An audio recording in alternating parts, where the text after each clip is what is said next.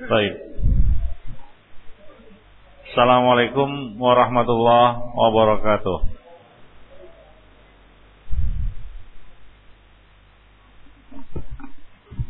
Alhamdulillah nahmaduhu wa nasta'inuhu wa nastaghfiruh wa na'udzu billahi min shururi anfusina wa sayyiati a'malina may yahdihillahu fala mudhillalah wa may yudlil fala hadiyalah asyhadu an la ilaha illallah wahdahu la syarikalah wa asyhadu anna muhammadan abduhu wa rasuluh يا أيها الذين آمنوا اتقوا الله حق تقاته ولا تموتن إلا وأنتم مسلمون أما بعد فإن أحسن الكلام كلام الله وخير الهدى هدى رسول الله صلى الله عليه وسلم وشر الأمور محدثاتها وكل محدثة بدعة وكل بدعة ضلالة وكل ضلالة في النار Akhwani fi din azani Allah wa iyyakum jami'an. Alhamdulillah pada malam ini kita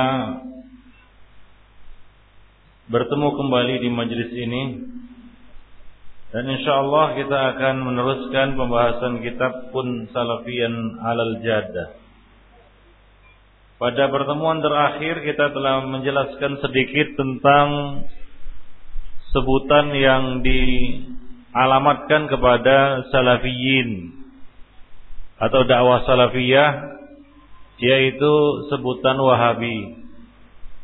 Kalau kita bicara tentang Wahabi ini erat kaitannya dengan negara Saudi, kerajaan Saudi Arabia.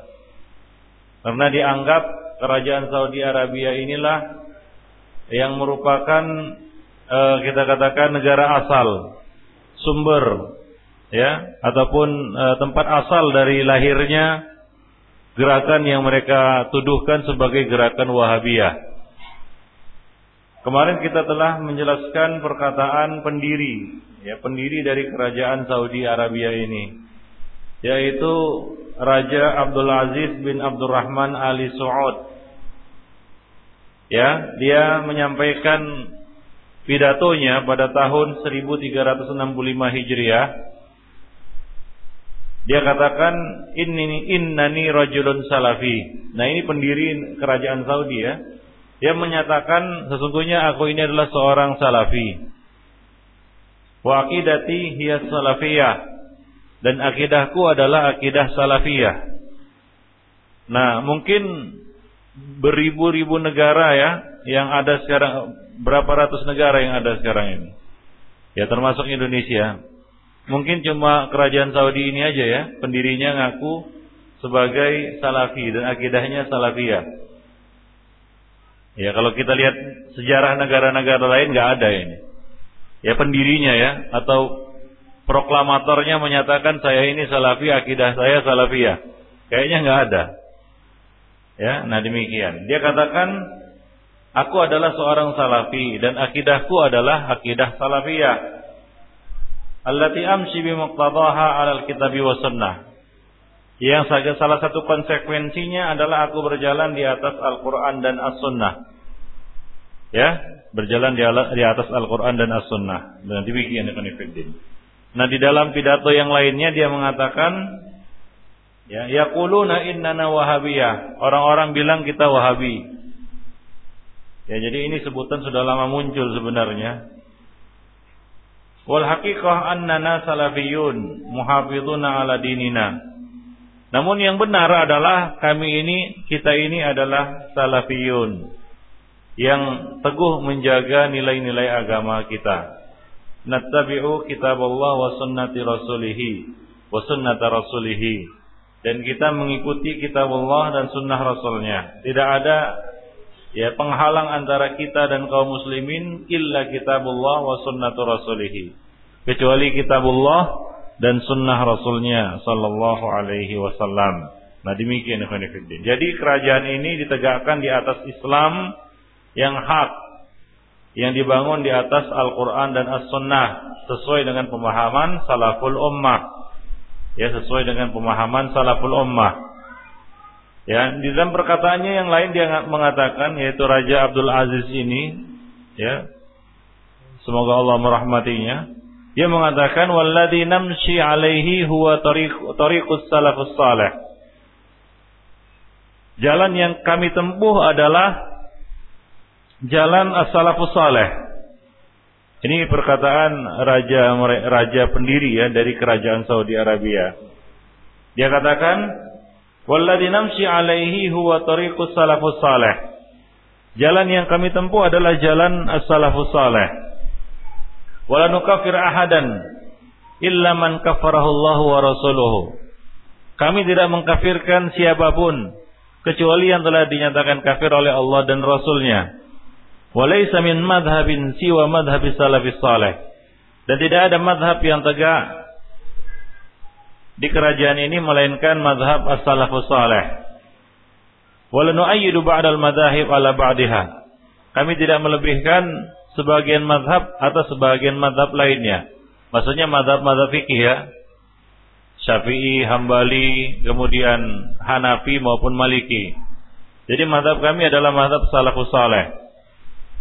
Fa Abu Hanifah wa Malik wa Syafi'i wa Ibnu Hanbal aimmatuna Ya, Imam Syafi'i, Abu Hanifah, Imam Malik, Imam Ahmad ibn Hanbal adalah imam-imam kami. Nah demikian ikhwan fillah a'adzani Allah wa iyyakum jami'an. Ya inilah perkataan pemimpin dari uh, ataupun raja ya, bukan raja kerajaan Saudi Arabia. Nah demikian ikhwan fillah a'adzani Allah wa iyyakum jami'an. Sebagaimana pendiri negara Republik Islam Iran menyatakan terang-terangan bahwasanya negara kami ini adalah negara Syiah, Imamiyah. Demikian juga ya Saudi Arabia menyatakan bahwasanya negaranya adalah negara yang tegak di atas dasar Al-Quran dan Sunnah dengan pemahaman salafus saleh. Ya negara ahlus sunnah wal jamaah. Demikian ikhwan fillah azani Allah wa iyyakum jami'an. Baik. Nah ini merupakan satu perkataan yang sangat nafis, yang sangat bagus ya ya apa namanya yumatsilu makna sahih li salafiyah yang apa namanya menjelaskan kepada kita makna yang benar dari as-salafiyah. Ya makna yang benar dari as-salafiyah. Wa al-ma'na sahih Islam dan itu merupakan makna yang sahih bagi Islam. Khonifuddin.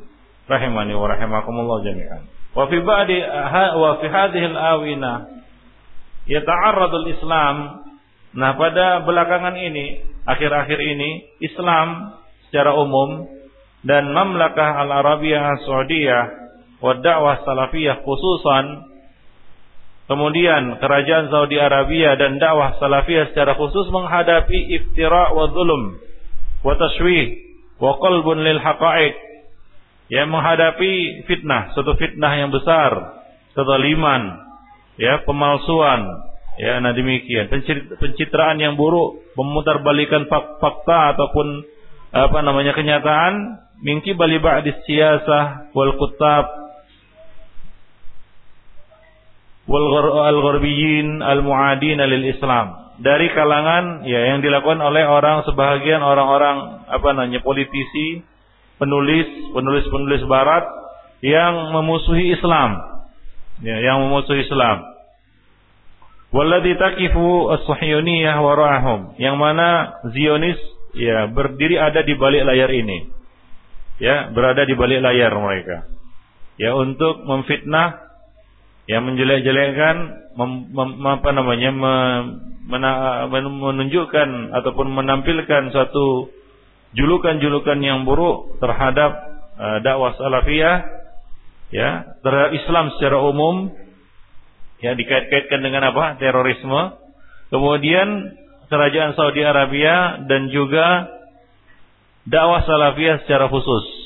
Nah demikian ya dikatakan ya apa namanya Wahabiyah dan sejenisnya.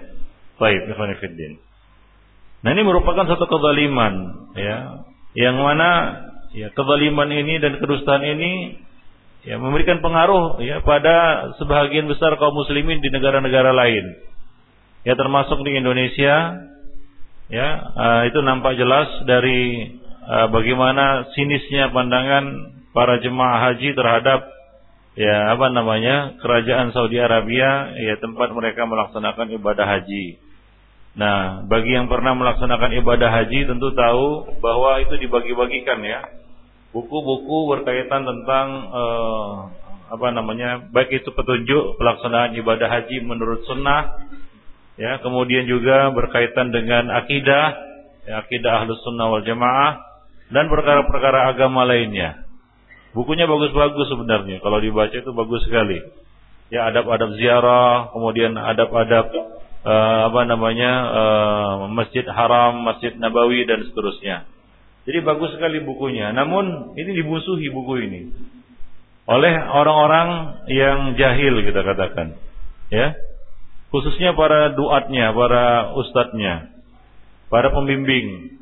Mereka menghalangi jemaah haji dari buku-buku itu atau menakut-nakuti atau melarang secara terang-terangan jemaah haji untuk membaca atau mengambil, menyimpan dan membawa pulang buku-buku itu. Ya. Mereka dengan dengan serta-merta akan mengatakan jangan pegang.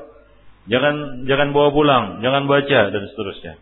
Ini buku Wahabi. Ini enggak enggak sesuai dengan apa namanya ajaran kita, ajaran Ahlus Sunnah wal Jamaah. Nah, inilah bodohnya kita katakan ya. Dia ngaku dia ahlu sunnah wal jamaah. Nah itu kan tertulis juga di buku-buku itu ahlu sunnah wal jamaah. Ya tinggal diadu saja mana ahlu sunnah wal jamaahnya yang lebih asli kan begitu. Nah demikian ikhwanifidin. Ya itu kenyataan. Jadi terpengaruhlah sebagian orang ya terhadap isu ini atau fitnah ini. Ya pencitraan yang buruk ini terhadap dakwah salafiyah dan ya, apa namanya dan juga terhadap kerajaan Saudi Arabia. Hingga buku-buku yang bermutu itu, buku-buku yang bagus itu, yang sebenarnya eh, apa namanya merupakan suatu wakaf ya, sumbangan. Karena itu dibagikan secara gratis, cuma-cuma. Ya, dalam berbagai macam bahasa itu. Ada bahasa Indonesia, ada bahasa Melayu, ada bahasa Cina, bahasa semua hampir eh, banyak bahasa diterjemahkan ke dalam banyak bahasa dibagi-bagikan kepada kaum muslimin ketika mereka menunaikan ibadah haji. Akan tetapi ya itu semua menjadi mentah karena ya doa-doa ini. Ya, uh, juru dakwah, para pembimbing ibadah haji yang rata-rata mereka itu juhala, jahil, jahil murokab. Nah demikian ya Fanifidin. So tahu tapi jahil. Ya mereka melarang jemaah haji untuk membaca buku-buku itu. Ya, taruhlah bukan masalah-masalah akidah, masalah haji saja mereka nggak mau mengambilnya. Kata mereka ini nggak cocok dengan ajaran kita ini. Padahal di situ di buku itu sudah dijelaskan dalil-dalilnya kan begitu ya. Bagaimana tuntunan pelaksanaan ibadah haji sesuai dengan sunnah Rasulullah. Sementara haji yang mereka lakukan itu amburadul, asal-asalan. Ya, penuh dengan unsur-unsur penipuan. Ya. Nah demikian. Oleh karena itu KBIH dipelesetkan kelompok bisnis ibadah haji kan begitu. ya, betul. Jadi bukan bimbingan bisnis ibadah haji. Nah, demikian ikhwan fillah azani Allah wa iyyakum jami'an, ya. Begitulah bobroknya ya e, doa-doa ataupun dai-dai yang mengajak manusia kepada ya pintu-pintu kesesatan, ya. Nah, demikian ikhwan fillah. Hingga ya biaya yang besar yang telah dikeluarkan oleh kerajaan Saudi Arabia untuk mencetak buku itu dalam apa namanya dalam bentuk yang bagus kan begitu ya itu menjadi kurang bermanfaat ya kurang mengena kepada sasarannya. Baik. Ma'an dakwah salafiyah hiya ab'ad ma yakunu min an takfir wa tabdi' wa tafsik bi dalil. Padahal kita tahu bahwasanya ajaran uh, dakwah salafiyah itu sangat jauh dari yang namanya pengkafiran, pembid'ahan, ya pemfasikan tanpa dalil. Ya fonis kafir bid'ah fasik tanpa tanpa dalil. Justru kita lihat orang-orang di luar uh, dakwah sunnah lah. Orang-orang di luar dakwah salafiyah lah yang serampangan ya mengumbar fonis kafir bid'ah munafik fasik dan fonis-fonis yang lainnya justru dakwah salafiyah menjelaskan kepada kita, kepada manusia, manhaj yang benar di dalam masalah ini, di dalam bab ini. Ya, karena ini termasuk salah satu di antara usul ahlu sunnah wal jamaah mengenai masalah ya al-asma, al-ahkam wal asma namanya. Masalah-masalah yang berkaitan dengan hukum fonis yang dijatuhkan dan nama, status, identitas. Ya, penyebutan muslim, kafir, ini ada diatur di dalam pokok-pokok dasar Ahlus Sunnah wal wal Jamaah. Nah, jadi ada aturannya di dalam manhaj salaf. Ya, manhaj uh, dakwah uh, pokok-pokok dasar manhaj salaf. Itu sudah diatur. Ya, maka kita katakan tadi justru kelompok-kelompok di luar salaf lah, di luar dakwah salafiyah lah yang serampangan, asal-asalan. Ya, bahkan tidak ada warak dalam menjatuhkan ponis kafir ini. Ya, nah demikian ikhwan fillah rahimani wa rahimakumullah jami'an. Baik. Wa hiya ab'ad ma yakunu anil ghuluwi tatarruf. Dan dakwah salafi adalah dakwah yang paling jauh dari yang uh, yang namanya sifat hulu, sifat berlebih-lebihan dan tatarruf. Ya radikalisme yang disertai dengan apa? Tindakan-tindakan anarkisme. Itu sangat jauh dari itu. Ya karena amar ma'ruf nahi mungkar saja di dalam usul dakwah Ahlussunnah wal Jamaah, usul salafiyah, usul dakwah salafiyah itu diatur sedemikian rupa. Jadi bukan asal-asalan seperti yang dilakukan oleh kelompok-kelompok sempalan sekarang ini. Ya, yang mereka melakukan dengan nama atau mengatasnamakan amar ma'ruf nahi mungkar, lalu mereka melakukan tindak pengerusakan, melakukan eksekusi hukum secara sepihak dan bukan merupakan ranah mereka, bukan merupakan wewenang mereka. Nah ini keluar dari usul dakwah salafiyah. Nah demikian. Jadi sangat jauh dari yang namanya sikap berlebih-lebihan ya dan radikalisme dan anarkisme. Illa anna hadhihi dakwah al-mubarakah ulsiqa biha ma laysa fiha. Hanya saja dakwah salafiyah yang penuh berkah ini ya disematkan kepadanya hal-hal yang bukan termasuk darinya. Artinya ya diberikanlah julukan-julukan, sebutan-sebutan, sifat-sifat yang sebenarnya tidak pantas dan tidak benar ya, tidak uh, tidak tepat disematkan kepada dakwah ini atau dinisbatkan kepadanya yang sesuatu yang bukan termasuk manhajnya. Seperti dikatakan bahwa salafiyah itu adalah ya kelompok yang suka mengkafirkan. Ya sebagian komentator ya dari kalangan politisi ataupun apa namanya pejabat menyebut wah dakwah salafiyah itu dakwah yang suka mengkafirkan. Ya yang yang dekat hubungannya dengan radikalisme anarkisme dan seterusnya. Nah ini tidak benar ini artinya menuduh menisbatkan sesuatu kepada dakwah salaf yang bukan termasuk ajarannya. Baik. Mimma sannu mimma sawwaha jamalaha wa ghayyara haqiqataha wa naffara minha. Yang mana tuduhan-tuduhan itu ya, ya jelas tanpa bukti ya. Uh, mem, mem, apa namanya memburukkan keindahan dakwah salafiyah ini. Merubah-rubah hakikatnya dan membuat orang-orang ataupun manusia kaum muslimin lari darinya. Wazah dan nasfiha hingga orang-orang apa namanya mengatur jarak dari dakwah ini. Atau namanya apa namanya menjauh ya dari dakwah ini Ya, nah demikian. Atau paling tidak mereka fobila yang namanya dakwah salafiyah. Karena dikaitkan di, di, dikait-kaitkan dengan sesuatu yang bukan termasuk darinya. Nah ini merupakan ya kita katakan musuh-musuh Islam itu saling bahu-bahu satu, satu sama lainnya untuk satu tujuan yaitu menjauhkan manusia dari kebenaran.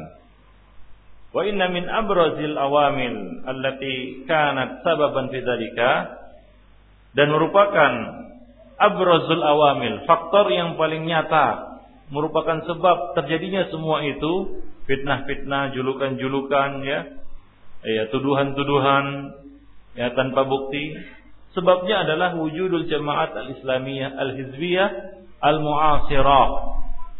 Keberadaan jemaah-jemaah Islamiyah hizbiyah mu'asirah yang muncul sekarang yang ada sekarang ini al-muta'assirah bi fiqhil khawarij yang terpengaruh dengan pemikiran-pemikiran khawarij.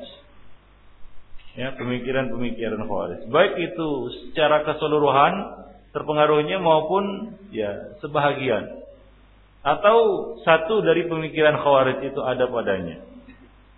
Nah, jadi jemaah-jemaah yang ada sekarang ini, jemaah-jemaah harokiyah ya ataupun jemaah-jemaah apa namanya yang e, lebih condong kepada sufi ya ya Turukiyah tarekat Karena kalau kita lihat jemaah-jemaah yang ada sekarang ini ya, di kalangan kaum muslimin itu tidak lepas dari dua kelompok ini. Satu yang mengarah kepada pemikiran-pemikiran khawarij, yang satu lagi mengarah kepada pemikiran-pemikiran-pemikiran sufi. Ya, ya, pemikiran-pemikiran sufi. Yang mana dua kelompok ini kadang-kadang saling berdekatan dia. Kadang-kadang dia mereka bisa saling bekerja sama. Maka dari itu kita lihat orang-orang yang terlibat di dalam gerakan-gerakan ini itu untuk apa namanya? meraih yang mereka sebut ketenangan batin, mereka apa namanya?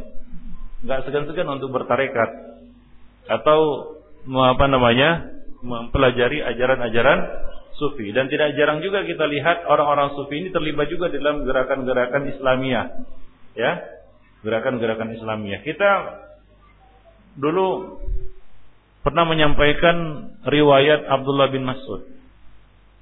Ya, Abdullah bin Mas'ud yang mana beliau menegur orang-orang yang ada di masjid. Sedang apa? Zikir, zikir apa? Zikir jemaah. Seperti sekarang ini kan di setiap minggu itu zikir jemaah itu kan gitu ya. Nah, Ibnu Mas'ud datang dan menegur mereka. Ya, kemudian mereka mengatakan, Ya, sungguhnya kami menghendaki kebaikan dari perbuatan ini. Maka Ibnu Mas'ud mengatakan berapa banyak orang yang menghendaki kebaikan namun tidak mendapatinya. Ya. Kemudian ya Ibnu Mas'ud meninggalkan mereka. Nah, apa kata perawi? Ya, aku lihat mayoritas dari orang-orang yang hadir di majelis itu di majelis zikir itu ikut terbunuh di dalam peperangan Nahrawan bersama kaum Khawarij. Itu mereka terbunuh di apa namanya? di dalam pasukan ataupun apa namanya? E, masuk dalam pasukan Khawarij yang terbunuh di Nahrawan. Nahrawan itu satu nama tempat ya, nama sebuah tempat di mana di situlah kaum Khawarij berkumpul lalu diperangi oleh Ali bin Abi Thalib. Nah ini jauh setelah peristiwa Abdullah bin Mas'ud menegur mereka di masjid. Artinya ini menunjukkan bahwasanya orang-orang yang ikut zikir-zikir itu ternyata akhirnya mereka terperosok dan ikut dalam gerakan-gerakan khawarij ini di kemudian waktu. Ya. Apa kata perawi? Aku lihat ya sebagian besar dari mereka ikut terbunuh di dalam di Nahrawan ya bersama kaum khawarij. Nah demikian ya Sekarang juga seperti itu kita lihat ya, ya terlibat ya gerakan-gerakan Islamiyah ya parokiah Ternyata latar belakangnya apa? Tarekat. Ya, tarekat, sufi, kan begitu ya. Nah, sebagian dari mereka ya, ternyata apa? Punya latar belakang seperti itu. Jadi ada erat, ada hubungan yang erat antara keduanya ya konfidin, antara kelompok-kelompok jemaah-jemaah uh, Islamiyah yang arahnya ke Khawarij maupun jemaah-jemaah ataupun kelompok-kelompok Turkiyah tarekat yang arahnya ke mana? Ke Sufi. Baik. Mereka bisa bisa bertemu. Likauni ba'di rumuzi wa wa rumuz wa qadah wa mufakkiri hadhihi al-jama'at qad yuwafiquna manhaj salafi fi ba'di turuhat wa tawjihat. Karena sebahagian dari tokoh ataupun pemimpin ataupun pemikir dari jemaah-jemaah ini kadang-kadang mereka menyepakati manhaj salafi pada beberapa bab masalah oleh karena itu banyak orang yang tertipu. Ya, kelompok-kelompok ini berselubung dia di balik apa namanya? topeng. Ya, mereka menggunakan juga sebutan-sebutan salafi. Ya. Di dalam aksi-aksi mereka, mereka juga memakai nama-nama atau membawa-bawa nama apa? Salafi. Ya buku-buku yang mereka pakai kan begitu ya. Nah, di dalam beberapa bab ini adalah hakikat Ibn Fiddin. Di dalam beberapa bab mereka menyepakati manhaj salaf. Ya. Eh, terutama di dalam bab-bab ibadah misalnya. Ya salatnya sama, di dalam bab-bab adab sama. Ya berjenggot juga kan begitu ya. Bergamis juga. Ya, kemudian apa namanya? celananya di atas mata kaki kan begitu ya. Penampilannya lahiriah itu hampir sama. Nah demikian juga dengan ibadahnya, ya dengan ibadahnya. Bahkan sebagian buku-buku yang dipelajari di dalam bab-bab akidah itu sama. Lalu di mana bedanya? Dari dulu memang khawarij itu dalam bab akidah juga ada ada ada sisi kesamaannya dengan akidah salaf. Mereka di dalam bab ya tauhid mereka lurus dan mereka menyimpang di di bab apa? Di dalam dalam bab al asma wal ahkam. Di dalam bab pemberian hukum dan pemberian nama. Ya. Pemberian nama maksudnya di sini adalah penyebutan ya seorang muslim apakah dia kafir muslim atau bukan. Ya, nah demikian. Nah itu dia masalah asma wal ahkam. Nah jadi mereka berbeda dengan ahlus sunnah di situ. Nah perbedaan mereka dengan ahlus sunnah di dalam bab itu menyebabkan mereka keluar dari apa? Dari lingkaran ahlus sunnah wal wal jamaah. Jadi kalau antum lihat kelompok-kelompok haroka yang belajar juga Fathul Majid, jangan langsung antum wah salafi juga dia, belajarnya Fathul Majid juga. Jangan tertipu dengan itu. Nah, coba tanya di dalam bab usuluddin yang lainnya, apakah buku salaf juga yang dipelajarinya? Ya, di dalam bab misalnya eh, bab al asma wal ahkam, apakah mereka juga mempelajari buku ahlus sunnah wal jamaah? Atau mereka hanya mempelajari beberapa bab tertentu saja di dalam akidah? Sementara di dalam bab yang lainnya mereka meninggalkannya. Nah, jadi janganlah tertipu dengan Hal ini ikhwanifiddin wa iyyakum jami'an. Baik. Ya. Bal qad yatakallamu ba'duhum bi ismi salafiyah. Bahkan sebahagian dari tokoh-tokoh mereka itu juga berbicara dengan mengatasnamakan salafiyah. Bahkan mereka mengatakan kami salafi juga. Ya, kami gerakan kami salafi. Bahkan kamilah salafi yang sejati katanya. Kan begitu. Kami ini salafi. Sebagian mereka mengatakan kami salafi jihadi apa? Salafi tapi jihadi. Nah, salafi yang jihadi.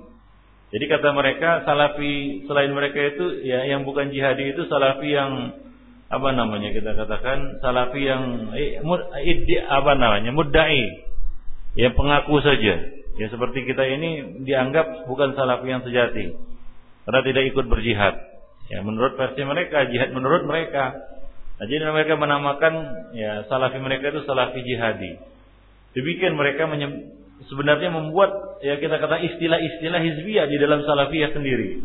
Nah di dalam salafi nggak ada salafi jihadi, salafi yamani, salafi apa lagi apa namanya? Ya, haroki dan lain sebagainya. Enggak, ini memecah. Enggak ada di, dinukil dari salaf mereka menjadikan amalan tertentu ya untuk membedakan diri dengan yang lain. Misalnya apa? Saya salafi solati. Khusus sholat saja kan begitu. Keunggulan saya sholat. Atau apa salafi dikri kan gitu ya. Khusus dikir. tidak, tidak ada. Ini justru memecah belah ajaran Islam. Ya, ya farraqudinahum wa Orang-orang yang memecah belah agama mereka, lalu mereka menjadi bergolong-golongan. Seperti itulah dia. Sebagian mengatasnamakan kami kelompok zikir. Sebagian mengatakan kami kelompok jihad. Sebagian mengatakan kami kelompok tablik, dakwah saja kami, gak ada yang lainnya. Ya, tentunya ikhwan ini tidak ini memecah belah agama namanya. Farraqu di dinahum, memecah belah ajaran agama mereka. Karena Islam itu satu kesatuan. Gak bisa dipisahkan antara satu dengan yang lainnya ya fiddin. Ahli nuklir dia gak bisa berpikir sendirian. Lalu dia dia bikin nuklir saja begitu. Gak mikir dia dengan ilmu-ilmu yang lainnya, ilmu yang berkaitan dengan lingkungan hidup dan sebagainya. Ya. Jadi semuanya harus satu kesatuan hingga menyelamatkan. Kalau enggak akan membinasakan fillah. Na'azani Allah wa iyyakum jami'an. Ya, nah demikian. Baik.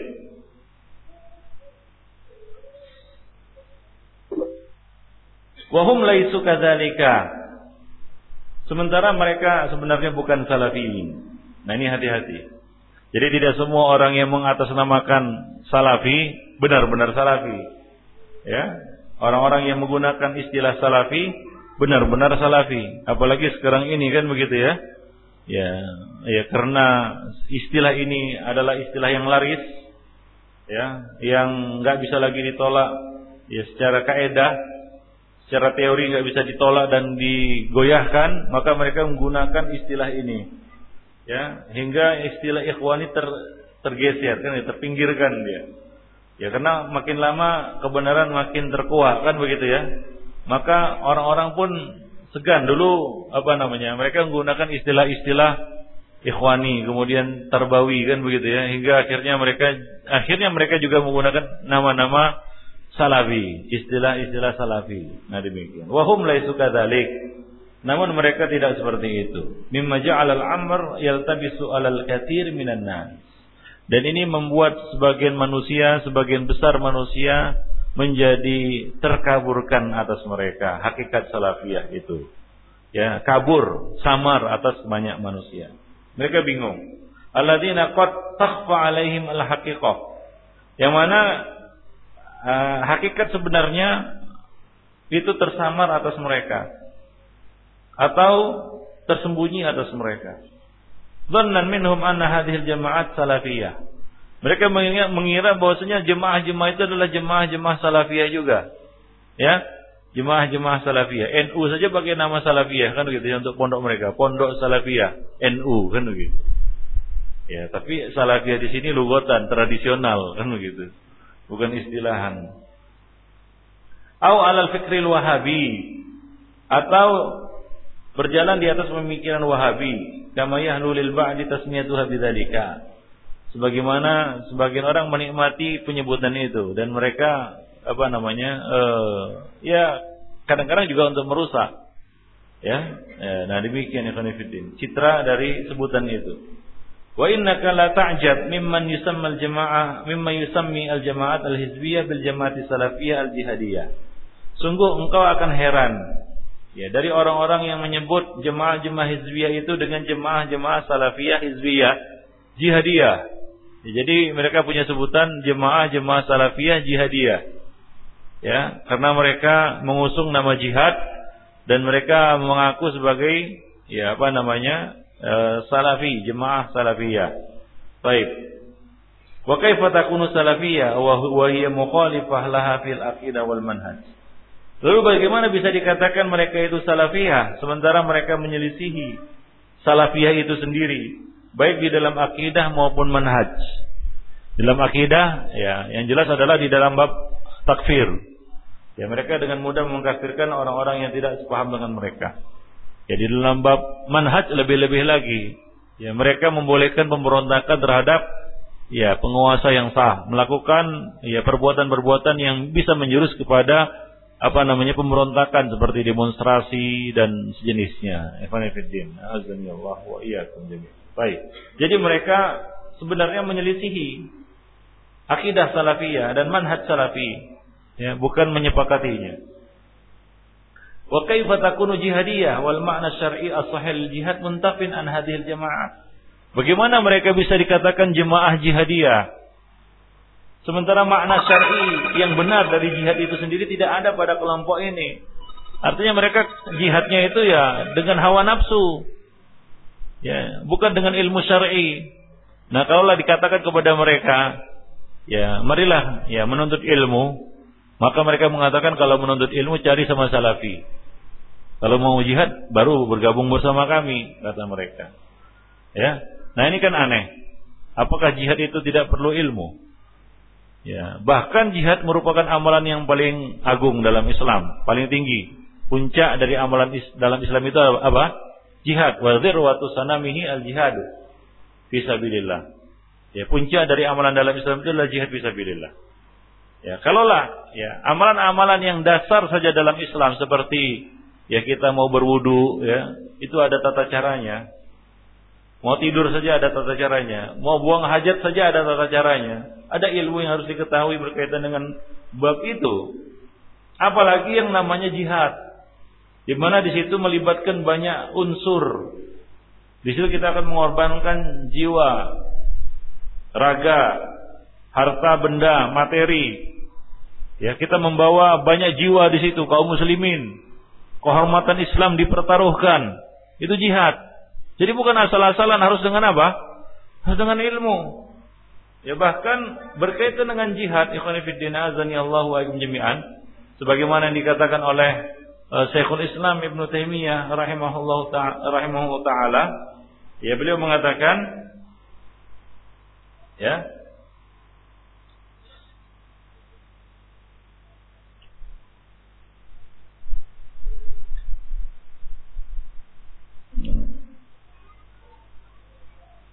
Wa fil jumlah beliau mengatakan ini perkataan Ibnu Taimiyah.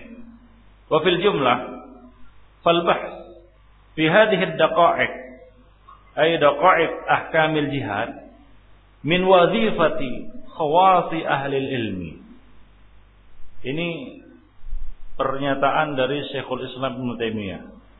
Beliau mengatakan secara keseluruhan, kesimpulannya, kesimpulan umumnya, ya setelah beliau memaparkan pembahasan secara detail, beliau menyimpulkan, wabil jumlah falbah fi hadil daqa'iq, pembahasan, ya, pembicaraan di dalam masalah-masalah ini secara detail min wazifati khawasi ahli ilmi. Maksudnya pembahasan ini adalah pembahasan yang berkaitan dengan hukum-hukum jihad hukum-hukum jihad. Beliau mengatakan min wazifati khawasi ahli ilmi. Merupakan kewajiban, tugas dan tanggung jawab kalangan khusus dari ahli ilmu. Jadi ahli ilmu itu banyak. Nah, ada kalangan khususnya. Jadi enggak semua ahli ilmu itu boleh ditanya tentang jihad. Ya, tidak semua ahli ilmu, ulama, mustahid itu boleh ditanya tentang jihad. Ibnu Taimiyah mengatakan khawas ahli ilmu. Kalangan khusus dari ahli ilmu. Jadi ada kumpulan ahli ilmu, ada kalangan khususnya. Ya, artinya yang senior-seniornya. Orang-orang yang berpengalaman dan cakap untuk ditanya tentang masalah ini. Jadi bukan serampangan, ya semua orang ditanya. Semua orang berbicara, semua orang dimintai fatwa. Karena jihad ini besar kaitannya kaitannya dengan jiwa manusia. Baik si muslim maupun si kafir, kan begitu ya? Kemudian berkaitan dengan apa? Marwah, kehormatan, kedudukan Islam.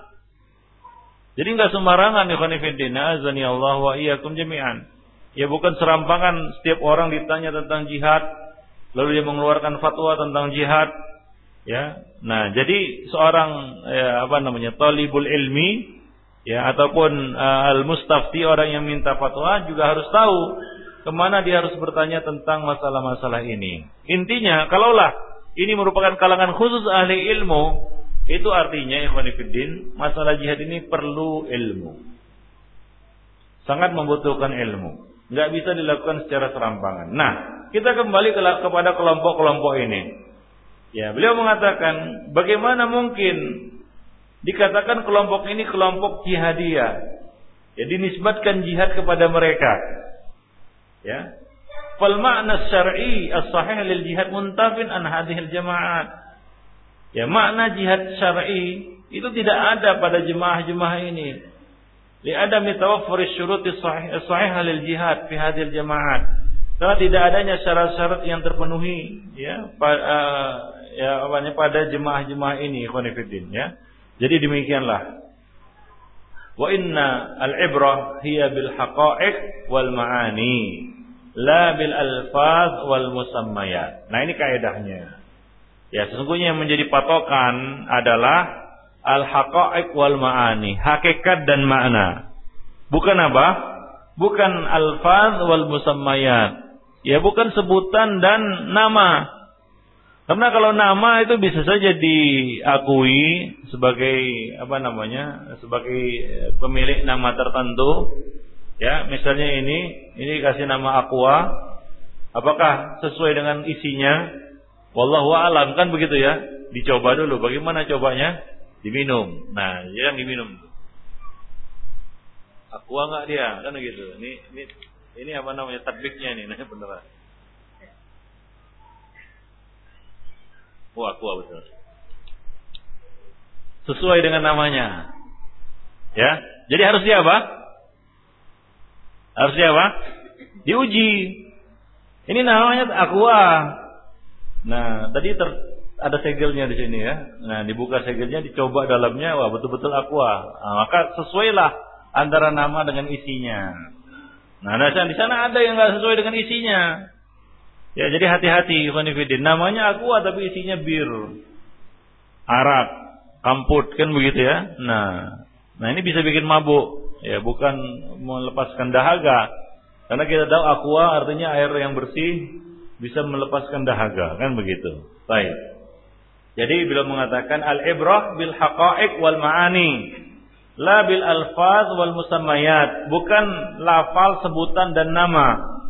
Walidha yajibu tanbih lil khalti wa tadlil al mawjud fi saha al islamiyyah al yaum. Maka beliau mengatakan oleh karena itu wajib untuk berhati-hati atas percampur bauran dan penyesatan yang ada ya di kalangan kaum muslimin pada hari ini. Ya, hingga sebagian orang menggunakan dulu ya, coba lihat ya penggunaan nama ahlus sunnah wal jamaah sudah terkaburkan, tersamarkan atas banyak kaum muslimin hingga itu diidentikan dengan apa? Manhaj, madhab, al-as'ariyah dan maturidiyah. Hingga kalau dikatakan ahlus sunnah wal jamaah identik dengan apa? As'ariyah dan maturidiyah. Itu berabad-abad ya konfidin sebutan itu nggak hilang dari mereka. Sebenarnya mereka tidak berhak dan tidak layak tidak boleh bahkan haram mereka menyandang nama itu. Nama apa? Ahlus sunnah wal jamaah. Haram Asy'ariyah sekarang ini, Maturidiyah sekarang ini menyandang nama itu. Karena dulu nenek moyang mereka, ya, tokoh-tokoh mereka itu membenci Ahlus sunnah wal jamaah, memeranginya. Nah, mereka asalnya adalah Mu'tazilah yang sangat membenci dan berseberangan dengan apa ahlu ahlu sunnah. Namun Ya, seperti itulah tadi nggak laku jualan mereka. Kalau masih pakai nama Asy'ariyah Maturidiyah, harus pakai embel-embel supaya laris. Maka dibuatlah labelnya Aqua, kan begitu ya. Ternyata isinya apa? Maturidiyah Asy'ariyah, yang itu adalah Mu'tazilah. Coba lihat bagaimana mungkin Ahlus Sunnah wal Jamaah dengan Al-Mu'tazilah yang berseberangan ini bisa di, dijadikan dalam satu label. Ya, isinya Mu'tazilah, Kemudian labelnya ahlu sunnah wal jamaah. Nah ini zalim namanya. Ini pemalsuan namanya. Pemutar balikan fakta. Ya, pemutar balikan fakta. Jadi haram mereka sebenarnya menyandang nama itu. Tapi coba lihat berabad-abad. Ya.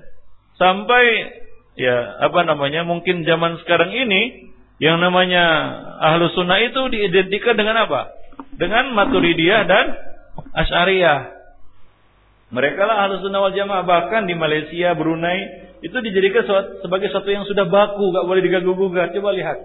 Bagaimana itu menggugatnya? Ya, nunggulah anak cucu mereka sadar kan dakwah salafiyah masuk ke sana, pelan-pelan kemudian mereka sadar dan merubah. Itu semua. Ya kan? Prosesnya panjang lagi di Indonesia mungkin sudah mulai terkikis itu. Sudah mulai mengerti, manusia sudah mulai sadar bahwasanya Ahlus Sunnah wal Jamaah itu tidak identik dengan Asy'ariyah dan Maturidiyah. Tapi itu pun masih sebagian kecil. Ya, nah, sebagian besar mungkin masih meyakini As'ariyah dan Maturidiyah itulah dia ahlus sunnah wal, jamaah. Nah, demikian juga dengan sebutan salafiyah, sal salafiyah ini. Baik khonifidin azani Allah wa iyyakum jami'an. Wa yajibu al-amal ala tasfiyatil Islam mimma ulsiqa bihi. Kita dan kita wajib untuk berusaha membersihkan Islam dari tuduhan-tuduhan, perkara-perkara yang disan, yang disandarkan kepadanya mimma laisa minhu dan itu bukan termasuk ajaran Islam. Ya, demikian pula hal-hal yang berkaitan dengan salafiyah dan ahlu sunnah. Kita harus bersihkan dari apa? Hal-hal yang tidak sah dinisbatkan kepada salafiyah dan tidak sah dinisbatkan kepada ahlu sunnah wal wal jamaah wa tarbiyatun nasi al muslim alal islamil haq al mustasqa minan nabi minan minan min nabaqis dan kemudian setelah itu adalah mentarbiyah ya generasi muda muslim di atas Islam yang hak yang bersumber dari sumbernya yang murni yang bersih yaitu kitab Allah dan sunnah Rasulullah sallallahu alaihi menurut pemahaman salaful ummah Nah sebenarnya sekolah kita, sekolah inilah, sekolah yang kita buat inilah salah satu wadahnya sebenarnya. Tapi sayang sebagian orang justru nggak henti-hentinya memfitnah sekolah ini. Yang katanya sekolah bisnis lah, yang katanya sekolah inilah, buat apa bikin sekolah lah dan lain sebagainya. Nah kita mau melakukan tasfiyah. Tasfiyah mungkin kita bisa lakukan salah satunya adalah dengan ini ya, kajian-kajian kita jelaskan, kita bincarkan ya membersihkan ya ajaran apa namanya dakwah salafiyah dari apa dari ajaran-ajaran menyimpang yang disematkan kepadanya. Demikian juga Islam. Nah, kemudian setelah itu apa? Setelah tasfiyah ada tar tarbiyah. Yang ditarbiyah itu biasanya generasi muda, anak-anak kan begitu ya. Kalau yang sudah berkarat, orang-orang tua itu susah sekali. Sebagaimana susahnya meluruskan bacaannya. Kalau sudah ngalamin, ngalamin terus itu. Walaupun di, disuruh apa namanya? Eh, diajari, ditalkin berulang-ulang, alamin tetap juga ngalamin. Namanya sudah tua, sudah payah di setel lagi otot mulutnya. Beda dengan anak-anak masih bisa dirubah dia. Ya, kalau kita bicara tarbiyah maka itu erat kaitannya dengan apa? An-nasi al-muslim, generasi muda muslim. Ya, itulah harapan. Karena yang tua-tua ini tinggal nunggu waktunya saja. Ya, jadi kita sedang sedang kita ini sekarang ini ya salafiyun sedang berpacu dengan mereka. Mereka juga membina tarbi, apa namanya? mentarbiyah dan membina generasi mereka di atas kebatilan, di atas bid'ah. Nah, kita membina dan mentarbiyah generasi muslim yang berada di atas manhaj salaf. Jadi salah satunya adalah dengan ya sekolah ini. Ya sekolah ini merupakan Salah satu harapan kita membina dan mendidik, mencetak generasi apa? Muda muslim yang berada di atas akidah salafiyah, di atas manhaj ahlus sunnah wal jamaah yang hak. Ya, Nah kita sudah letih kita dulu kita dibohongi kan waktu kecil kan belajar sifat 20 kan. Antum kan masih belajar sifat 20 kan waktu masih SD dulu kan ya. Buku-buku yang dipakai apa coba? Ya buku itu kan tidak jelas tahap kalau antum buka buku-buku agama dulu itu waktu SD, SMP, SMA sesat semua isinya kan tahap apa ya maksud doib ya, ajaran yang menyimpang dan lain sebagainya kan begitu. Nah udah udah capek itu itu nggak usah nggak usah diulang lagi. Jadi kita buat ya kita nggak mungkin kalau sekarang ini kita lihat sekolah-sekolah di luar itu wah, kacau balau juga kan gitu ya kacau beliau juga. Iya. Nah udah uang habis sesat agamanya ya kan begitu ya. Nah coba lihat Nah, jadi ini merupakan salah satu ya apa namanya? harapan kita.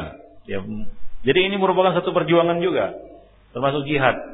Ya, membuat eh, mendirikan sekolah untuk pendidikan generasi muslim di atas manhaj uh, salafus saleh, ikhwan Ya, jadi karena nggak mungkin kita ngaji-ngaji aja kan begitu ya. Generasi muda gimana? Anak-anak itu. Ya, mulai dari tingkat dasar sampai menengah dan atas. Yang paling krusial sebenarnya menengah ke atas ini. Ini yang sangat krusial ini. Ini masa-masa akalnya sudah mulai bisa berpikir. Nah, begitu masuk pengaruh-pengaruh bid'ah, ya, pengaruh-pengaruh yang sesat, nempel itu. Susah untuk di dirubah. Nah, demikian ya khonifuddin. Azani Allah wa iyyakum. Baik.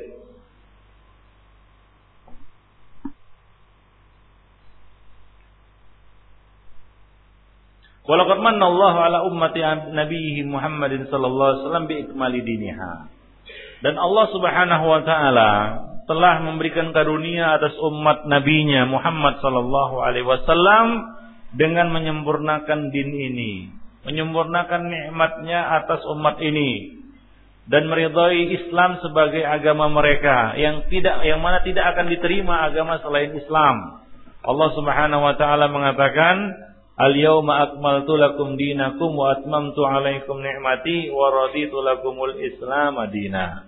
Pada hari ini aku telah menyempurnakan bagimu agama kamu dan aku telah sempurnakan atas kamu nikmat-nikmatku dan aku telah ridhoi Islam sebagai agamamu. Artinya umat manusia ini sudah diberi jalan, gak usah mencari jalan lagi, gak usah cari-cari lagi. Makanya orang sekarang ini ya dia mencari ya kebenaran ya. Bingung dia mencari kebenaran, sementara kebenaran itu ada di hadapan matanya sebenarnya. Ya Allah Subhanahu wa taala telah menyempurnakan agamanya. Allah Subhanahu wa taala telah menyempurnakan Islam. Jadi kita tidak perlu lagi mencari-cari formula yang lain. Kita tidak perlu lagi mencari-cari cara yang lain, jalan yang lain, ya, agama yang lain. Karena Islam telah Allah sempurnakan dan Allah ridhai. Ya, sebagai nikmat bagi umat ini. Hingga orang-orang Yahudi mengatakan ini ayat sangat besar, agung kedudukannya. Kalau turun kepada kami, maka hari turunnya akan kami jadikan sebagai hari besar. Karena mereka tahu ini adalah intinya. Ya, disebutkan bahwa ini adalah ayat yang terakhir turun. Ya, ya ayat yang terakhir turun. Yaitu apa? Al-yauma akmaltu lakum dinakum wa atmamtu alaikum ni'mati wa Islam madinah. Nah, ada yang mengatakan ayat yang lain. Jadi termasuklah ayat yang paling akhir turun. Ya, di antara ayat-ayat yang terakhir turunnya. Karena dikatakan ini turun di Haji Wada. Apa di Haji Wada. Baik. Wa qala ta'ala wa anna hadza sirati mustaqiman fattabi'uh wa la tattabi'us subul fatafarraqa bikum an. Dan bahwasanya ini adalah jalanku yang lurus, maka ikutilah jalan itu. Janganlah ikuti jalan-jalan yang lain. Ya, Mujahid mengatakan yang dimaksud dengan subul di dalam ayat itu adalah di dalam ayat yang kita bacakan tadi adalah asyubhat wasyahawat. Janganlah kamu ikuti jalan-jalan yang lain, yaitu jalan-jalan yang mengajak kepada syubhat dan asyahwat. Fatafarraqa bikum an sabili hingga kamu akan tercerai-berai dari jalannya yang lurus. Artinya menyimpang dari jalannya yang lurus. Jadi orang itu menyimpang dari dari uh, manhaj, menyimpang dari uh, siratal mustaqim, menyimpang dari akidah yang benar, dari manhaj yang benar ada dua faktornya. Yang pertama adalah karena dia mengikuti syahwat. Ya, mengikuti syahwat. Yang kedua dia mengikuti syubhat. Ini dua ini godaannya. Dia terjatuh dalam syubhat. Mungkin dia mendengar syubhat, wah di sana ada ajaran yang lebih lurus daripada yang lebih benar daripada ajaran salaf, maka dia pun kejar ajaran itu karena e, dia dengar syubhat tersebut masuk ke dalam hatinya hingga dia pun keluar dari manhaj ini. Atau yang kedua, atau dia tidak tidak jadi mengikuti manhaj ini. Atau yang kedua orang yang mengikuti syahwatnya, ya, jatuh dalam gelimang dunia. Ahlu dunia sekarang ini, baik yang dulunya dia sudah berada di atas manhaj ini maupun belum. Ya. Kalau orang yang belum wajar matanya itu tersilaukan dengan apa dunia, ahlu dunia coba lihat di luar sana, nggak terpikir lagi dia untuk mencari kebenaran. Dan namanya fitnah syahwat. Kerjanya adalah memuaskan syahwat. Siang malam kerjanya memuaskan syahwat. Itu yang pertama. Yang kedua, orang yang sudah berada di atas manhaj ini. Namun tersilaukan dengan syahwat. Hingga akhirnya dia meninggalkan manhaj ini, akidah ini. Sedikit demi sedikit. Secara berangsur, dia keluar darinya. Ya jatuhlah dia, eh, apa namanya, terseranglah dia penyakit yang disebut penyakit futur. Ya, sedikit demi sedikit mengikuti syahwat. Syahwat itu pelan-pelan dia. Ya, mengikuti syahwat. Akhirnya apa? Dia tinggalkan manhaj ini. Ya, dan pada akhirnya dia tinggalkan kewajiban-kewajibannya. Ya, bahkan sebagian orang yang terkena putur itu bahkan dia tidak merasa berat lagi meninggalkan sholat. Ya sudah, nggak sholat dia. Demikian Ibn Begitulah dia akibat dari mengikuti apa? Syahwat. Nah kalau kita berkumpul dengan ahlu dunia, ya kadang-kadang dorongan syahwat itu meningkat dia. Hingga kadang-kadang kita pun berpikir enak kali jadi orang ini ya, gitu ya. Orang sibuk-sibuk sholat, mereka wah kayaknya apa namanya gembira kali, senang kali hidupnya gitu ya, enak kali hidupnya gitu. Akhirnya dia pun ya namanya syahwat, muncul angan-angan kan begitu ya, wah. Ditambah lagi dia mungkin suntuk kan begitu ya, datsun datang suntuknya.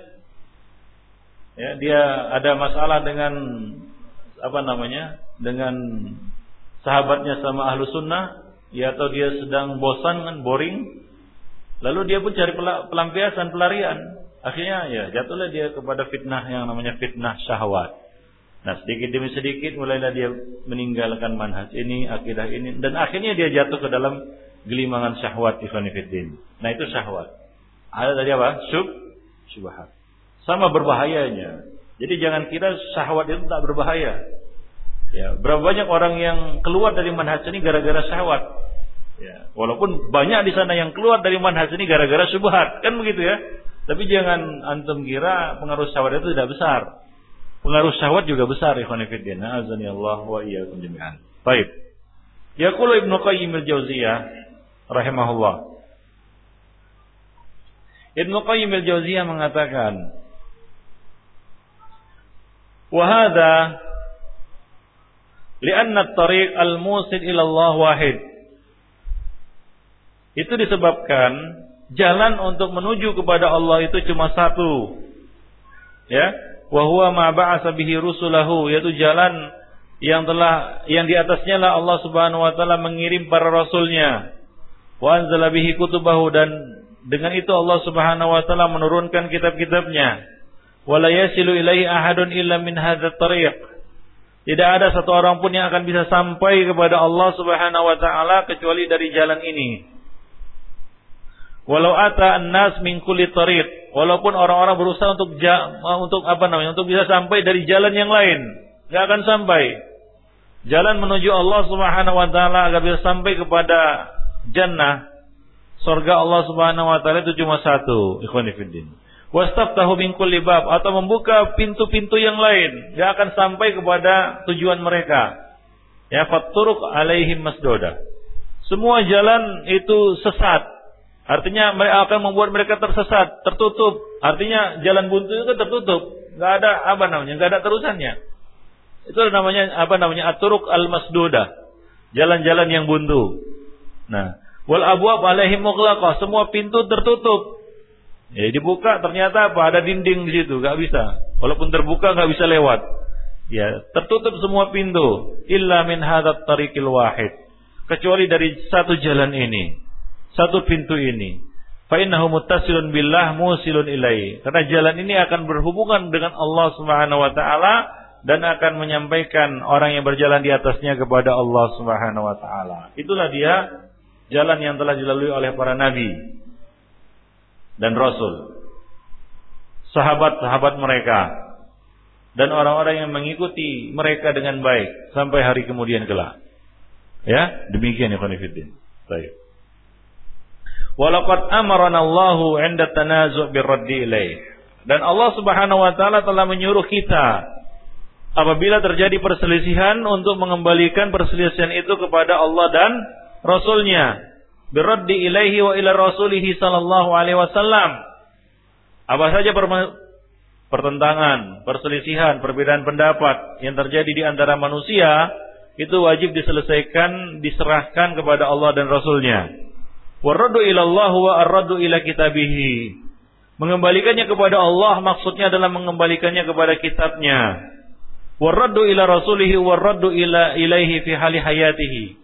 Adapun mengembalikannya kepada Rasul adalah mengembalikan bertanya langsung kepada Rasul ketika beliau masih hidup. Wa ila sunnatihi ba'da wafatihi dan mengembalikannya kepada sunnah beliau sesudah beliau wafat. Dasarnya adalah firman Allah Subhanahu wa taala, "Fa in tanaza'tum fi syai'in farudduhu ila Allah war Rasul in kuntum tu'minuna billahi wal yawmil akhir." Dzalika khairu wa ahsanu ta'wila. Jika kamu berselisih tentang satu permasalahan, ya, maka kembalikanlah kepada Allah dan Rasul. Jika kamu beriman kepada Allah dan hari akhirat, ya, jika kamu beriman kepada Allah dan hari akhirat, maka kembalikanlah setiap perselisihan yang terjadi kepada Allah dan Rasulnya. Taib khonifiddin, ya. Jadi tidak ada perselisihan yang harus dipupuk, yang harus dipelihara, yang harus disimpan, ya. Karena yang namanya perselisihan itu Al-ikhtilaf itu bukan rahmah seperti hadis yang tidak ada asal usulnya yang sering dibacakan oleh manusia. Ikhtilafu ummati rahmah ini bukan hadis. Ya, bahkan ikhtilaf al-furqah itu adalah azab. Ya, nah demikian. Hanya orang-orang yang dirahmati Allah sajalah yang selamat dari perselisihan. Wala yazaluna mukhtalifin illa ma rahimah rabbuk. Mereka manusia senantiasa berada di atas perselisihan kecuali yang dirahmati oleh Allah Subhanahu wa taala. Baik. Jadi ini meliputi ya semua ikhtilaf baik itu di dalam masalah usul maupun furu. Ibnu Qayyim al-Jauziyah mengatakan, "Walau lam yakun fi kitabillahi wa sunnati rasulih bayanu hukmin ma ma tanaza'u fihi yakun kafiyan lam ya'mur birraddi ilaih." Kalaulah di dalam kitabullah dan di dalam sunnah Rasulullah itu tidak ada penjelasan hukum yang mereka perselisihkan, niscaya uh, walam yakun kafian dan tidak cukup untuk menyelesaikan perselisihan itu, tentunya mereka tidak akan diperintah untuk mengembalikan masalah itu kepada Allah dan Rasulnya. Artinya semua permasalahan itu sudah ada jawabannya di dalam kitabullah dan sunnah Rasulnya. Ya, sebab ya mustahil Allah Subhanahu wa taala memerintahkan sesuatu yaitu menyuruh kita untuk mengembalikan permasalahan, perselisihan, pertengkaran kepada kitabullah dan kepada kepada sunnah nabinya, namun manusia tidak menemukan jawabannya di situ. Itu tidak mungkin. Itu mustahil. Seolah-olah menyuruh sesuatu yang tidak ada. Ya, disuruh buka pintu tapi pintunya nggak ada, kan nggak mungkin. Nah, ketika disuruh buka pintu artinya di situ ada pintu yang harus di dibuka. Nah, itu itu otomatis Allah wa iyyakum jami'an. Apalagi Al-Qur'an ya yang merupakan kalamul fasal. Innahu laqaulun fasal wa ma huwa bil hazal. Inilah kata-kata yang jelas yang memutuskan segala urusan. Bukan kata-kata yang hazal, yang sia-sia, bukan permainan dan canda. Demikian ikhwan. Wa qala Allah Ta'ala. Dan Allah Subhanahu wa taala juga mengatakan, "Innal ladzina farraqu dinahum wa kanu syi'an lasta minhum fi syai'." Sesungguhnya orang-orang yang memecah belah agama mereka dan mereka menjadi bergolong-golongan, tidak ada tanggung jawabmu sedikit pun terhadap mereka. Ya memecah belah agama.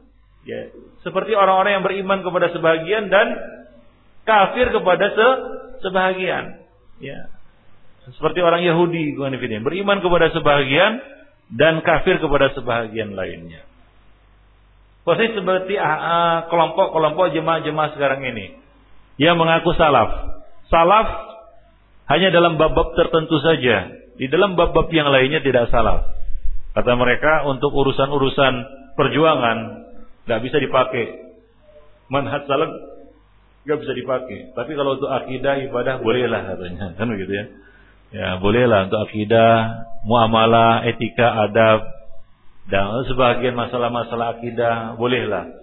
Nah, tapi kalau untuk perjuangan, ya untuk apa namanya uh, uh, pergerakan, nah nggak nggak salah nggak pakai kata mereka. Nah ini sama seperti yang disebutkan tadi, ya, memecah belah agama. Hingga mereka menyebut mereka adalah kelompok jihadi. Sebagian mengatakan saya adalah kelompok apa? Zikir. Sebagian mengatakan kami kelompok khusus untuk dakwah saja, nggak ada yang lain. Ya, tablik saja kami. Ya, kami nggak urus masail, kami fadoil saja. Ini kan memecah belah agama. Memangnya Islam itu nggak ada masailnya, nggak ada masalah-masalah inti dan pokok. Wah nanti orang berpecah belah. Memang dari dulu Islam itu adalah furqan, memecah antara manusia hingga memecah mereka mana yang hak dan mana yang yang batil. Ya, bukan menggabungkan semuanya. Ya, hingga sebagian kelompok yang mengatakan kami hanya memusatkan diri kepada masalah-masalah fadail, tidak mau menyinggung kepada masalah-masalah masail, nanti akan berpecah belah. Ini bodoh, jahil. Ya. Kalaulah ini benar, Ya, tentunya Nabi lebih dulu memakai formula seperti ini. Ya, daripada pecah dengan keluarga sendiri, ya dengan kaum sendiri kan begitu ya. Sudahlah, nggak usah lah masail, nggak usah tauhid, nggak usah bicara tentang tauhid uluhiyah yang membuat orang berpecah-pecah kan begitu ya. Ya yang fadail fadail saja supaya orang ini berkumpul, supaya nggak pecah dengan keluarga, dengan kaumnya sendiri. Nabi kan berpecah dengan keluarga beliau sendiri, dengan kaum beliau sendiri. Gara-gara apa? Masail yang mereka sebut masail ya yaitu akidah. Demikian konfident. Jadi itu tak dipakai oleh Nabi. Ya, kaidah mereka itu, rumus mereka itu nggak dipakai oleh Nabi. Dan itu bukan rumus nabawi. Bukan manhaj nabawi, Ikhwan Fiddin. Ya, nah demikian. Jadi seperti itu. Waqala Allah Ta'ala dan Allah Subhanahu wa taala juga mengatakan wa may yushaqiqir rasul min ba'di ma tabayyana lahul huda wa yattabi' ghaira sabilil mu'minin nuwallihi ma tawalla wa nuslihi jahannam wa sa'at masira. Nah ini ayat sangat masyhur dan ini merupakan dalil yang dipakai oleh Syalbani untuk menyatakan, menjelaskan, menunjukkan bahwasanya Al-Quran dan Sunnah itu tidak akan cukup tanpa dengan pernyataan di atas manhaj sahabat, manhaj salaf. Dalilnya ini. Barang siapa yang menentang Rasul setelah nyata kepadanya hidayah dan mengikuti selain jalannya orang-orang yang beriman, yaitu jalannya para sahabat, nuwallihi matawalla. Kami biarkan dia ya terus berada di atas kesesatannya itu. Wa nuslihi jahannam. Nah, artinya ini istidraj. Ya, dia merasa terus merasa merasa benar di atas jalannya itu. Dia merasa yakin dengan kebatilan yang dianutnya itu. Nah, kemudian pada akhirnya Allah Subhanahu wa taala mengambilnya dan pada hari kiamat akan masukkannya ke dalam neraka jahanam dan itu merupakan seburuk-buruk tempat kembali khonifuddin rahimani wa rahimakumullah jami'an. Jadi fatawa'adallah man ittaba'a ghaira sabilil mu'minin. Allah Subhanahu wa taala telah memberikan ancaman terhadap siapa saja yang mengikuti selain jalannya orang-orang yang beriman. Fadalla ala anna ittiba'a sabilihim fi fahmi syar'illahi wajibun itu menunjukkan bahwasanya mengikuti jalannya orang-orang yang beriman, jalannya para sahabat, fi fahmi syar'illah di dalam memahami syariat Allah adalah wajib.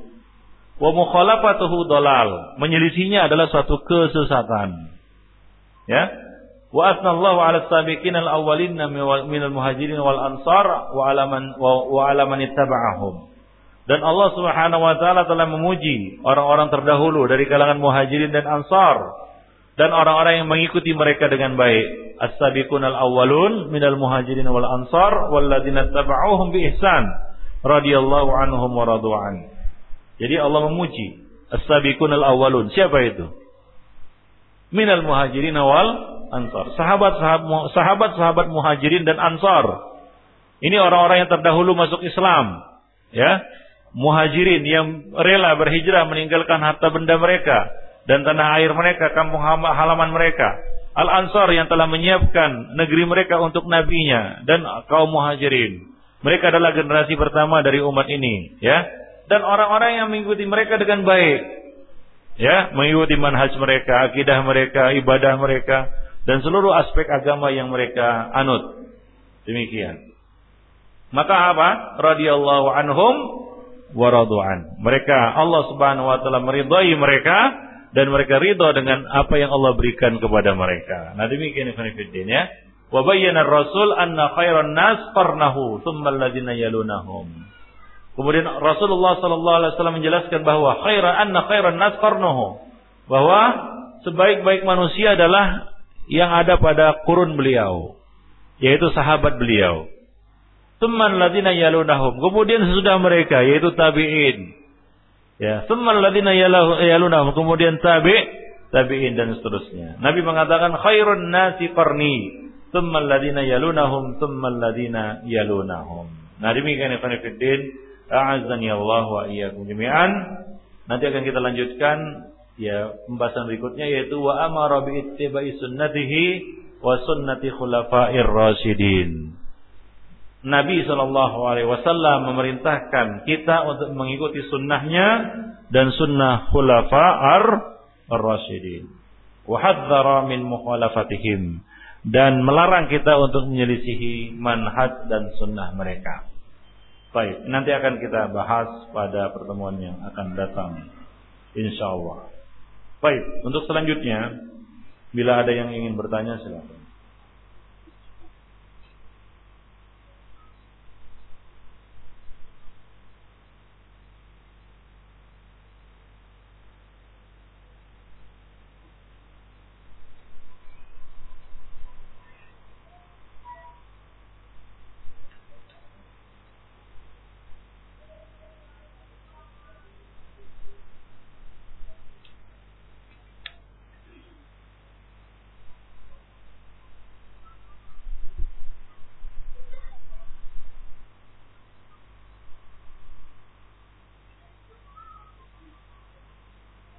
Apakah adab berbeda dengan sunnah? Sunnah di sini maksudnya apa? Sunnah ini digunakan untuk banyak istilah. Kalau di dalam bab usul din sunnah ini adalah pokok-pokok ajaran, usul. Sunnah itu adalah usul, usul sunnah. Ya, nah demikian. Perkara-perkara pokok di dalam sunnah, di dalam agama. Sunnah adalah din. Nah, kalau di dalam bab fikih, sunnah itu adalah sesuatu yang apabila dikerjakan berpahala, tidak dikerjakan tidak berdosa. Itu namanya sunnah. Ya, itu namanya sunnah. Nah, sunnah di dalam ilmu hadis artinya sesuatu yang sinonim dengan hadis. Ya, identik dengan hadis. Yaitu sesuatu yang disandarkan kepada Nabi. Ya, baik berupa, berupa perkataan, perbuatan maupun persetujuan. Nah, jadi adab itu tidak berbeda dengan sunnah. Ya, menurut mana yang kedua dan ketiga. Allahu a'lam. Apa sumber hukum mengenai adab? Yaitu buku-buku hadis. Karena kalau dikatakan adab adalah sesuatu yang disandarkan kepada Nabi, ya perbuatan beliau, ya kemudian persetujuan beliau. Jadi berkaitan dengan adab. Jadi buku-buku hadis.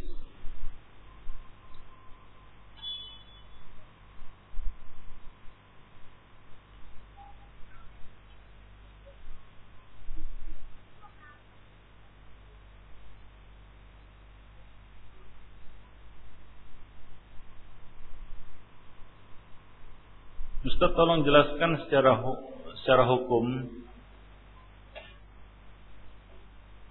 keterangan hadis sahih tentang bolehnya wanita berdakwah menekuni aktif dakwah tertentu.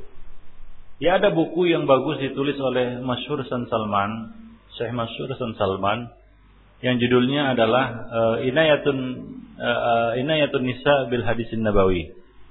Ya, uh, inayah artinya uh, uh, inayah itu kepedulian ya. Ataupun kiprah.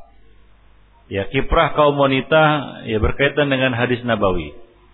Nah di buku itu dijelaskan banyak hal termasuk beberapa biografi para perawi-perawi hadis ya para muallimah ya. Ya ala ra'sihim wa ala ra'sihinna Aisyah. Aisyah itu rujukan ya karena ilmu agama yang dimilikinya Ya tentunya ya semuanya dengan syarat ilmu ya. Ya kalau wanita nggak punya ilmu nggak boleh juga kan begitu. Ya semuanya syaratnya dengan ilmu ya. Nah demikian. Ya beliau menyebutkan beberapa eh, putri-putri dari apa namanya para ulama, istri-istri mereka yang juga memiliki ilmu dan mengajarkan ilmu. Bukan hanya kepada wanita, bahkan kepada kaum pria bahkan. Bahkan mereka lebih berilmu daripada sebahagian kaum pria. Jadi ini sudah ada, ya cuma ada batasan-batasannya tentunya kan begitu ya, tidak seperti sekarang. Ya, tidak longgar seperti sekarang, kan begitu. Ada ketentuan-ketentuan kriteria-kriterianya. Nah, kalau ditanya apakah dulu wanita juga memiliki kiprah di dalam bab ini? Ayat ada. Silakan baca buku yang kita sebutkan tadi. Bagus itu bukunya. Wallah alam ada sudah ada terjemahannya atau belum saya nggak tahu. Buku yang ditulis oleh Syekh Masyhur Hasan Salman. Ini Inayatun Nisa bil Hadisin Nabawi kiprah kaum wanita di dalam ilmu apa namanya terhadap hadis nabawi.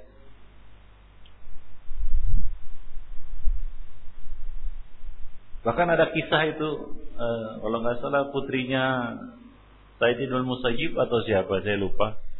Yang Imam Malik atau Said atau siapa itu yang dia menikah. Ya kemudian dia ingin belajar kepada bapaknya dia katakan nggak usah ke mana-mana di sini aja. Siapa Said bin Musaib masalah ya. Ya, kalau semuanya ilmu Said bin Musaib ada di sini katanya. Itu putrinya. Ya dia menikahi putrinya Said bin Al-Musayyib. Ya, setelah menikah dia ingin belajar kepada Said bin Musayyib. Kata kata putrinya ini nggak usah, di sini aja belajar sama saya saja katanya. Artinya kan ya apa namanya? Istrinya lebih berilmu daripada suaminya. Ya, Nah demikian. Nah itu bagus bukunya sebenarnya. Walau alam saya nggak tahu apakah sudah diterjemahkan atau belum. Ya khususnya untuk memotivasi kaum wanita untuk ya bangkit berilmu, bukan bodoh, jahil. Ya nggak tahu apa-apa kan begitu ya. Dijadikan bodoh di setel gitu bodoh dia. Nggak jangan kasihan itu. Maka bacalah buku itu. Bagaimana mereka itu punya pemikiran yang lebih apa namanya lebih cemerlang dari sebagian kaum laki-laki. Ya nah demikian. Mereka pintar menulis membaca dan lain sebagainya. Punya kiprah yang perawi kan begitu ya. Dan penulis dan lain sebagainya. Itu biografi-biografi para sahabiah dan para alimah. Ya fakihah. Ya oh, ya fakih dari fakihah ya bukan fakihah bukan lain. Lo fakihah itu buah-buahan. Ini fakihah. Ya, yaitu apa namanya ahli fikih dari kalangan wa wanita. Nah demikian azan ya Allah. Jadi bagus buku itu untuk dibaca ya dan dibacakan kepada kaum wanita supaya mereka punya semangat lah gitu untuk menuntut ilmu. Karena sebagian perempuan ini. Saya juga nggak habis pikir. Kenapa ada orang yang berpikir begini ya? Wah, perempuan. Gak usahlah sekolah tinggi-tinggi. Paling-paling nanti dilamar udah selesai. Kasihan kali kan nasib perempuan seperti itu. Ya kan? Kalau semualah perempuan diperlakukan seperti itu, gimana coba? Jauh kali lah dengan gambaran para salaf dulu yang mana mereka punya putra putri istri mereka ya, wanita wanita mereka yang, yang berprestasi punya kiprah yang besar punya sumbangsi yang besar terhadap ilmu hadis bahkan terhadap ilmu syar'i kan begitu ya nah kalau cuma seperti itu ah gak usah lah tinggi tinggi nanti kan gampang aja nanti ada yang ngelamar kawin kan gitu kok sependek itu pikiran kita saya pun heran itu kenapa pemikiran sesuatu ini berkembang di tengah-tengah salafiyin yang malah asap sangat disayangkan sayangan sekali ya di kalangan salafiyin itu. Ya, punya pikiran seperti itu. Kan kasihan tuh anak perempuan, gak kasihan. Seolah-olah yang yang boleh berprestasi itu anak laki-laki saja begitu. Lalu kapan terjadinya seperti kisah itu tadi? Yang ternyata istrinya lebih berilmu daripada apa? Daripada suaminya, ya. Nah demikian. Ya, justru sekarang ini ter terkesan seakan-akan tabu kalau istri itu lebih pandai daripada apa? Suami kan gitu. Ah, jangan, jangan pandai-pandai kali kalau istrinya pandai-pandai kali. Nanti menentang nanti kan begitu ya. Nanti uh, suka menentang ya. Ikhwan fillah azani Allah wa jami'an. Kan bagus kalau istri itu lebih lebih berilmu. Kalau ya sana. Imbang lah kan begitu ya. ya kalau enggak beda-beda tipis ini gitu ya, 60 40 misalnya begitu. Kan lumayan, kan lumayan. Ya, daripada sama sekali nggak mengerti apa-apa. Bahkan sebagian wanita itu dibiarkan buta huruf. Padahal ada perintah khusus untuk mengajarkan mereka tulis baca. Ada perintah khusus dari Nabi. Maka saya anjurkanlah baca buku itu. Buku itu sebenarnya pernah saya bacakan sekelumit ya di sini. Kalau nggak salah, kalau nggak salah saya. Ya, sekelumit, nah? Pernah, pernah kan? Siapa yang masih ingat? pernah itu, pernah. Saya ingat itu. Ya. Apa? Sebelum talim? Oh iya, mungkin lah. Memang bukan satu materi khusus dia. Cuma saya, pernah saya singgung sedikit mengenai masalah ini ya. Baik. Ya, jadi kebetulan ada yang nanya pula seperti itu kan gitu ya. Jadi kita katakan ya sebenarnya peran wanita dulu itu sangat besar. Ya sumbangsi mereka dalam menciptakan generasi-generasi robbani, ulama-ulama itu besar juga. Ya. Ya, coba lihat ibunya Imam Syafi'i. Ya, nah demikian. Kalaulah ibunya Imam Syafi'i ini orang yang enggak enggak bersekolah, enggak enggak enggak mengerti ilmu syar'i, enggak tahu apa yang dilakukannya, niscaya Imam Syafi'i akan terlantar. Tanpa pendidikan juga seperti ibunya. Tapi kan ternyata tidak seperti itu. Dan coba antum bacalah biografinya Imam Syafi'i bagaimana beliau diasuh oleh ibunya karena beliau adalah yatim. Ya kan? Pernah baca biografi Imam Syafi'i bagaimana ibunya itu membawanya dari guru ke guru. Karena ibunya paham, tahu dia. Kalau anak ini nggak sekolah jadi bodoh nanti kan gitu. Nah, coba kalau kalau lah ibunya ini nggak sekolah, apa kepikir dia anaknya ini nggak sekolah? Kan enggak, gitu ya. Ah udahlah, tubuh gitu aja lah. Ya seperti rumput liar kan gitu ya. Nanti kan juga jadi orang. Orangnya kayak mana nggak tahu lah katanya. Apa kayak gitu? Ini itu spekulan namanya kan begitu. Jadi ini harus dijadikan apa namanya perhatian bagi kita semua. Ya, kalau kita punya putri ya di rumah, nah itu jangan disia-siakan pendidikannya. Janganlah kita punya anggapan seperti kita sebutkan tadi, ya sudahlah apa payahnya sih punya anak perempuan. Nanti kalau ada yang ngelamar udah nikahkan. Nggak tahu apa ya biarlah nanti kan urusan suaminya itu ya Allah. Ya coba lihat begitu singkatnya cara berpikir orang ini. Ah, nanti kan kalau sudah punya suami kan suaminya yang ngurus gitu. Apa seperti itu salaf dulu memperlakukan putra putri mereka?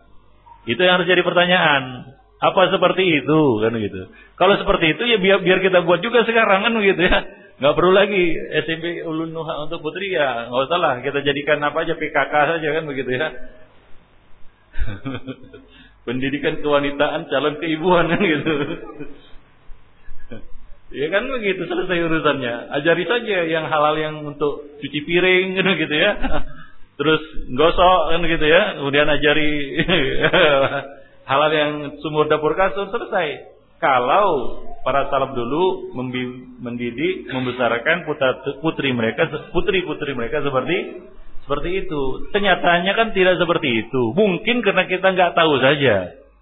Ya karena kita nggak tahu, ya makanya kita mungkin sebagian kita berpikir seperti itu. Maka janganlah berpikir seperti itu. Baik.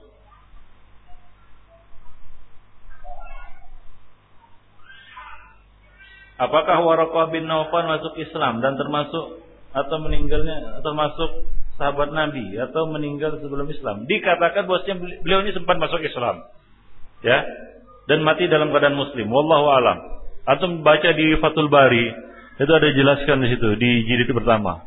Ah, ada bukunya, coba lihat di situ. Ada itu riwayatnya. Bahwasanya beliau ini sudah muslim.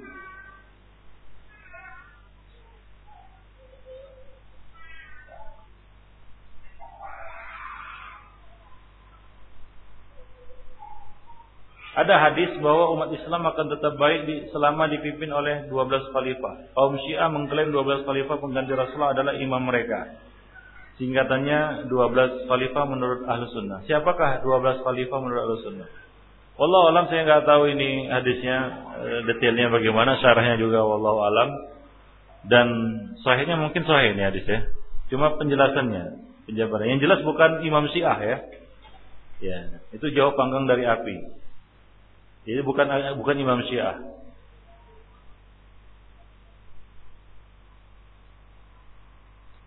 Baik, ada yang tanya lagi?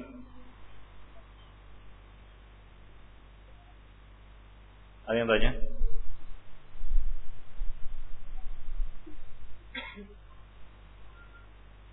Ya. Kadang-kadang pertanyaan ibu-ibu lebih bermutu dari pertanyaan bapak-bapak. Katanya seperti itu. Baik, nggak ada karena nggak ada kita tutup di sini dulu ya kajian kita. Nanti insya Allah pada malam Ahad yang akan datang kita lanjutkan. Subhanallah bihamdik, asyhadu an astaghfiruka wa.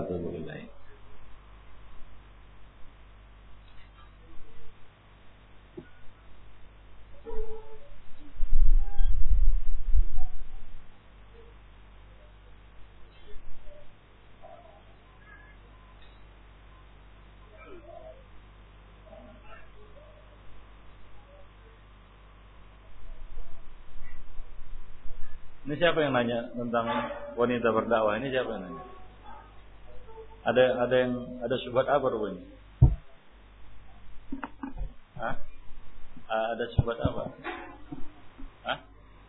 Oh di situ. Siapa? Dari sini dari internet.